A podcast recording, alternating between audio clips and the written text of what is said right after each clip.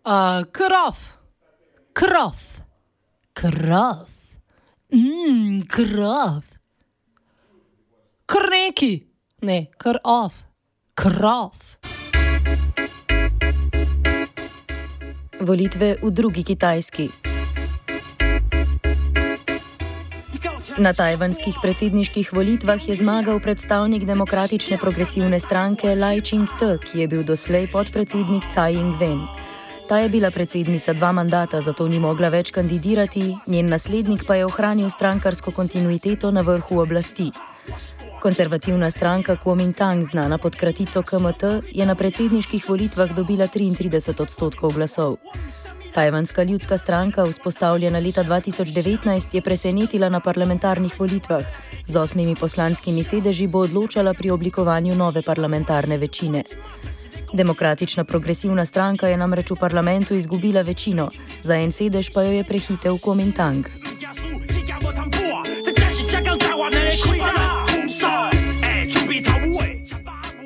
Tajvan je dedič kitajske državljanske vojne med komunisti in nacionalisti pod stranko Komintang. Zaradi zmage komunistov so se nacionalisti zatekli na otok Tajvan in imenovali Tajpej kot začasno prestolnico Republike Kitajske.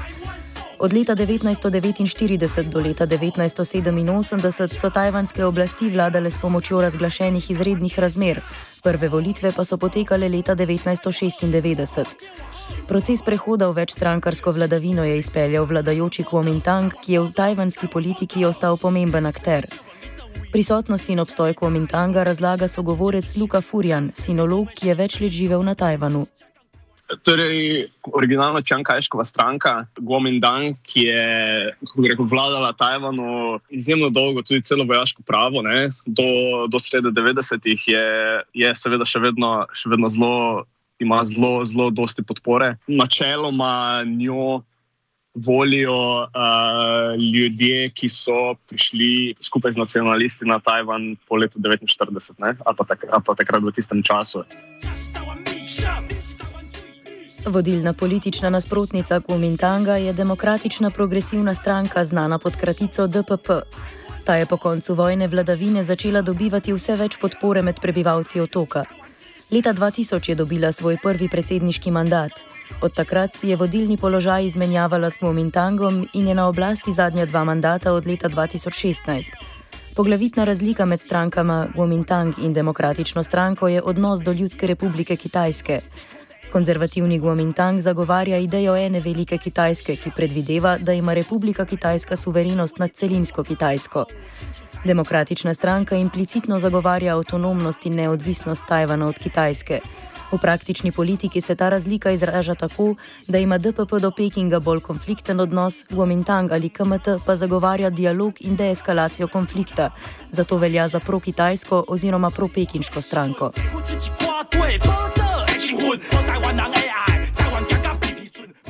Novost na letošnjih volitvah je pomembnost rezultata tajvanske ljudske stranke, znane pod kratico TPP.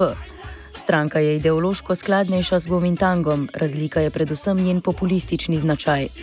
Čeprav je dosedanjo politiko Tajvana zaznamovalo izmenjavanje vodilnega položaja Kuomintanga in demokratične stranke, se je na sobotnih volitvah ljudska stranka izkazala kot nezanemarljiva.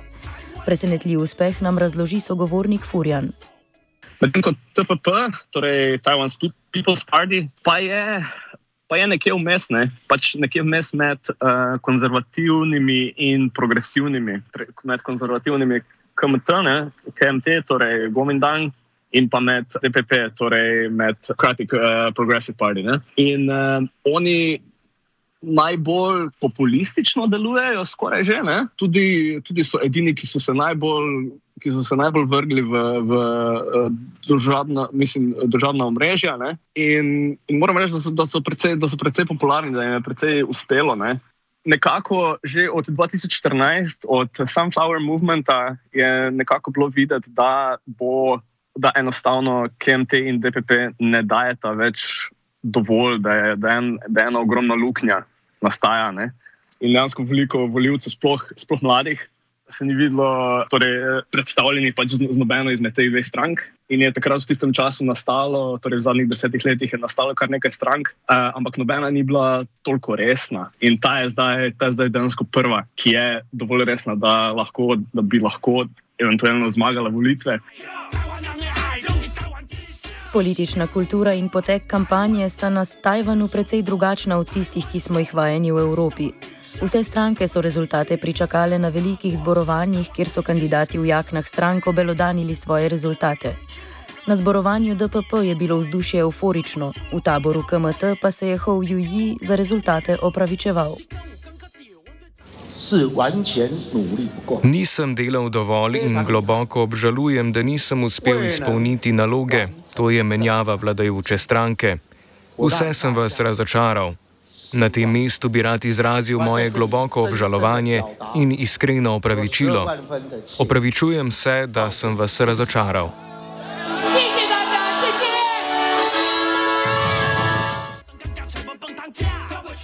Kot razlaga Furjan, je volilni proces na Tajvanu povsem drugačen kot zahodnjaški oziroma evropski.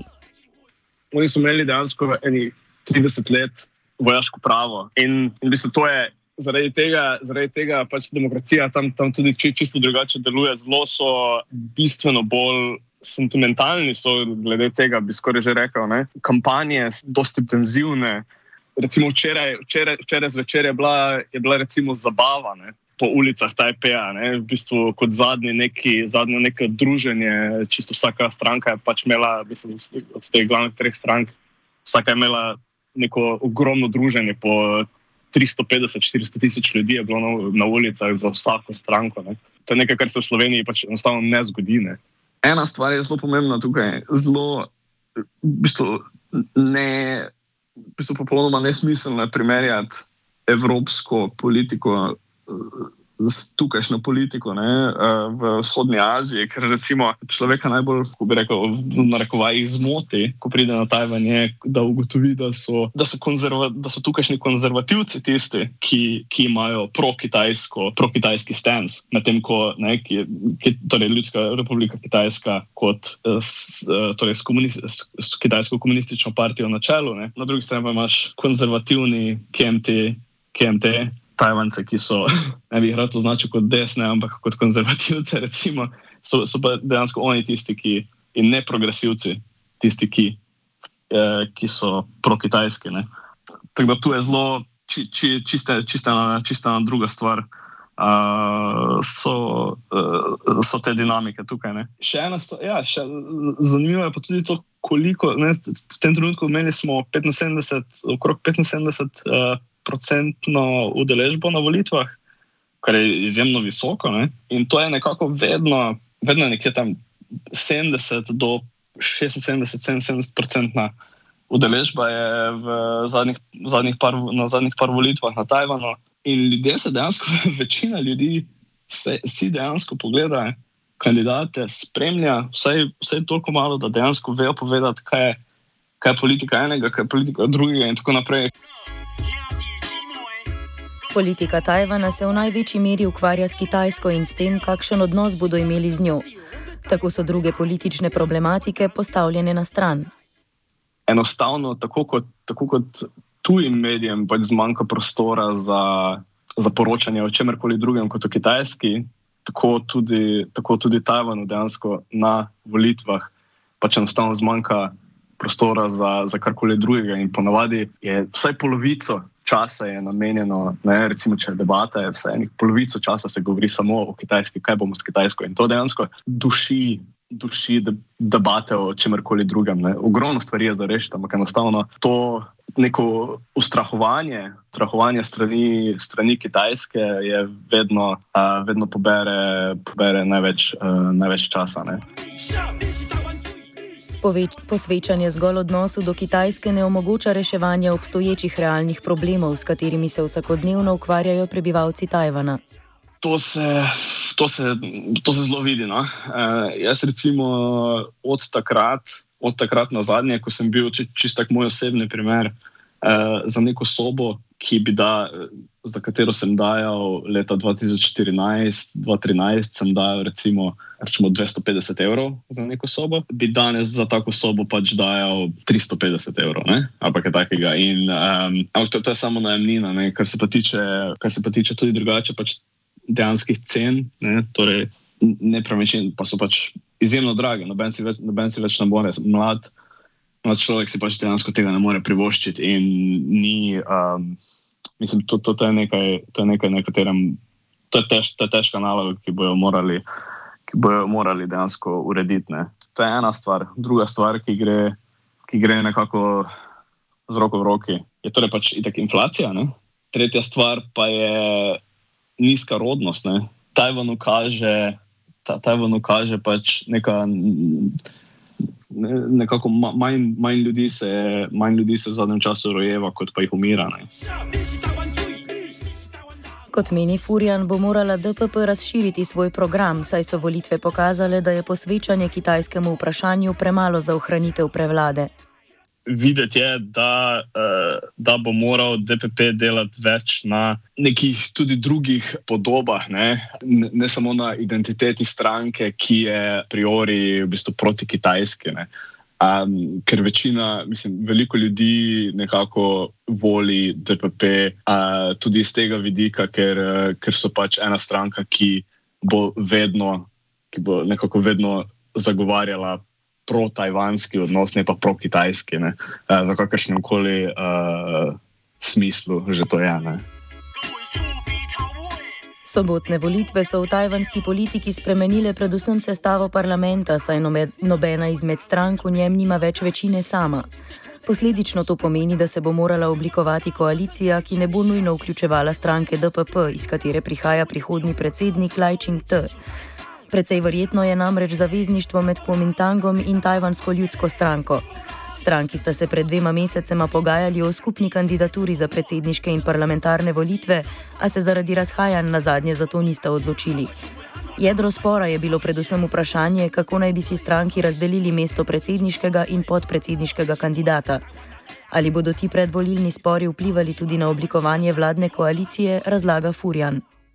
KWNZ, torej torej voditelj torej stranke TPP, ne, um, je v preteklosti, torej pred, pred volitvami, nekako kazalo, da, uh, da bosta imela skupaj s Kentem uh, skupno glasovnico. In, in kljub, kljub tistemu debaklu, um, dva meseca zdaj že nazaj, skoraj, um, ne, ko so se dejansko rašli. Uh, kljub tistemu, zgleda, da bo, da bo torej blue-white coalition, ne? torej um, modro-bela, torej uh, TPP in pa KMT, bolj kot pa kaj drugega. Ne? Zaključimo lahko s tem, da se Tajvan ne sooča le z dolgotrajajočim vprašanjem neodvisnosti od Kitajske. S tem se na Tajvanu ukvarjajo, namesto da bi začeli reševati probleme staranja prebivalstva, inflacije in bega možganov. Je pa tajvanska politika že tradicionalno in zdaj vedno bolj podrejena geopolitični vlogi, ki jo ima Tajvan v rivalstvu med Kitajsko in Združenimi državami Amerike. To je lepo ilustriral prvi govor zmagovalca predsedniških volitev Laja, ki je še pred nastopom pred svojimi podporniki sklical novinarsko konferenco za tuje novinarje. Offside je pripravil vajenec David, nadzoroval je Gal.